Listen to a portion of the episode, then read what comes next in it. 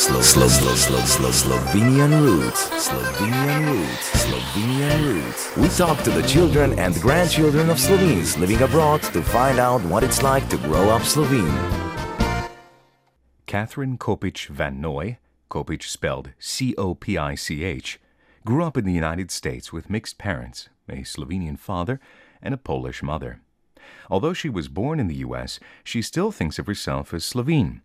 She writes for the Roanoke Times newspaper, has written two books, and even does PR. Now she lives in the beautiful New River Valley, nestled deep in the mountains of Virginia. We called her there to find out what it was like to grow up as a Slovene in the United States.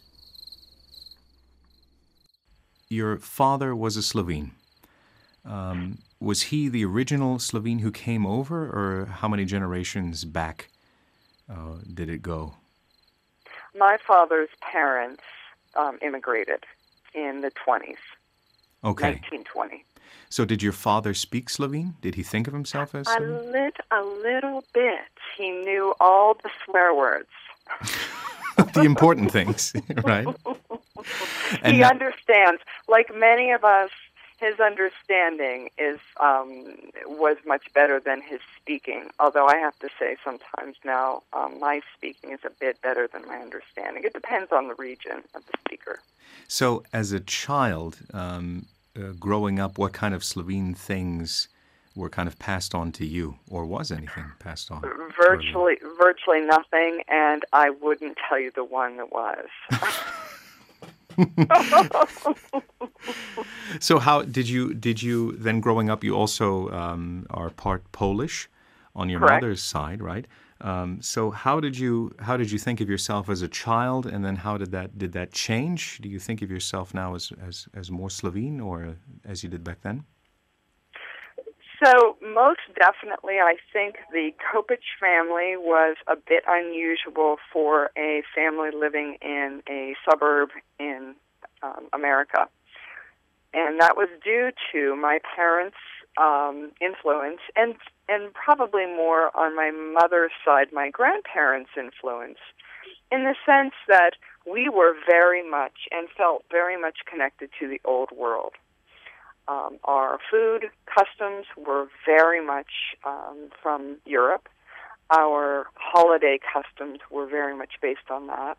We attended a Polish parish in Youngstown, Ohio. It was St. Casimir's, and where we even on holidays sang Polish carols mm-hmm. and Polish songs with the choir.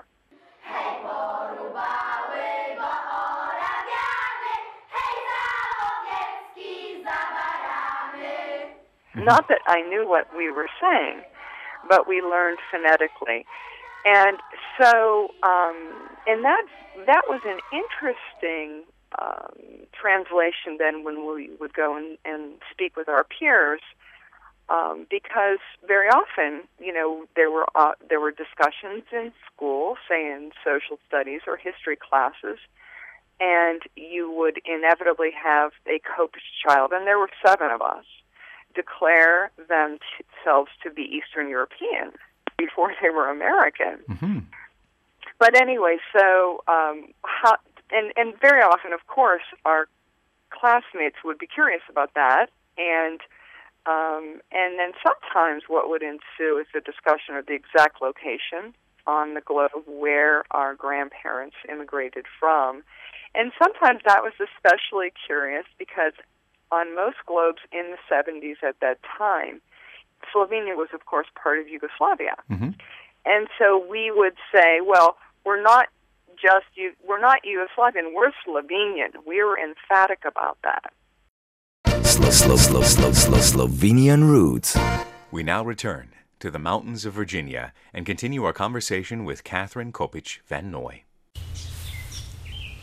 When was your first um, experience in Slovenia? So my family, my husband and I, with our two children, traveled to live in Slovenia as part of a Fulbright program. This happened in 2003. What were your impressions like when then you arrived? Um, my arrival was, um, well, it was the middle of January. It happened to be a pretty tough winter. So it was somewhat um, overwhelming at first, I have to admit. Um, but I loved immediately the the landscape of the city of Maribor. Um, I happen to be very um, very much a fan of older architecture, so I was particularly fond of the older buildings. Mm-hmm.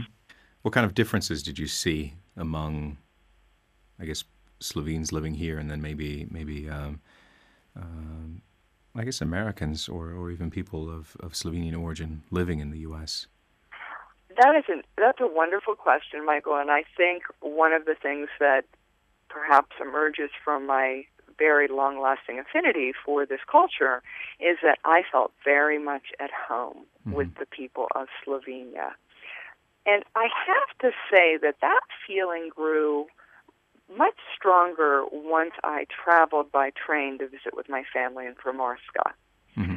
Um, certainly, in terms of um, uh, just sort of physical attributes, I had often had people say to me, "You you really don't look like a, a typical American," and it, and it's true. I have you know I very much favor the Slovene side of our family, mm-hmm. and I would see women who looked more like I did mm-hmm. in Slovenia. And there, you know, I think that's a natural human response. You see something that is similar to your to you, mm-hmm. and you feel comfort with that. I find it very interesting that a lot of people here um, who live in Slovenia um, are can be very negative about the country and um, are are very much in love with the United States and all things American. Um, and then I hear a lot of people who are, you know, who grew up in the United States but have Slovenian roots, um, very much in love with Slovenia. It's kind of, it's an, it's, I don't know, it's an interesting um, phenomenon. It is interesting, and I know exactly what you mean. And uh, even even today, as I struggle with trying to learn Slovene, um, you know, some of my relatives, especially the younger ones who all speak English, they'll say, "Why are you even doing this?" Right. Yeah. know. what is the fascination? Um, yeah, you know what, Michael? I think the, the only thing I can say is that um, maybe we're all a bit contrary by nature. right. it must be. That must be it. A big thank you to Catherine in Virginia for speaking to us about her experiences growing up as a Slovene in the United States. That does it for this week's edition. This is Michael Mansky saying goodbye for now. This was Slo Slo Slo Slo Slo Slovenian Roots. To listen again or find out more, go to www.radiosi.eu.